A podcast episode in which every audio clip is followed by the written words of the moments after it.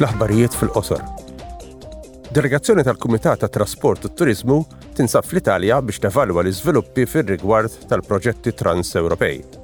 Il-membri tal-Parlament Ewropew se jżuru Ġenova, li hija wieħed mill-portijiet ta' dħul prinċipali għall-Ewropa fil-Baħar Mediterran.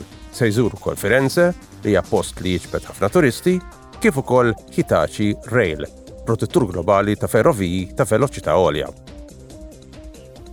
Membri tal-Kumitat għall-Iżvilupp jinsabu f'Nairobi biex jevalwaw l-impatt tal-appoġġ tal-Unjoni Ewropea fuq il-miri ta' żvilupp tal-Kenja. Se jżuru diversi proġetti ffinanzjati mill-Unjoni Ewropea fir-reġjun u se jiltaqgħu mal-kontropartijiet tagħhom mill-Parlament tal-Kenja u ma' rappreżentanti tal-Gvern tal-Kenja.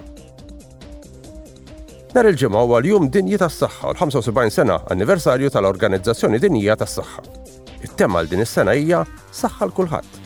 Din hija opportunità biex inħarsu lura lejn il-kisbiet fil-qasam tas-saħħa pubblika li tejbu l-kwalità tal-ħajja tagħna fl-aħħar 75 sena. Hija wkoll sejħa għal azzjoni biex nindirizzaw l-isfidi tas-saħħa tal-preżent u tal-ġejjieni.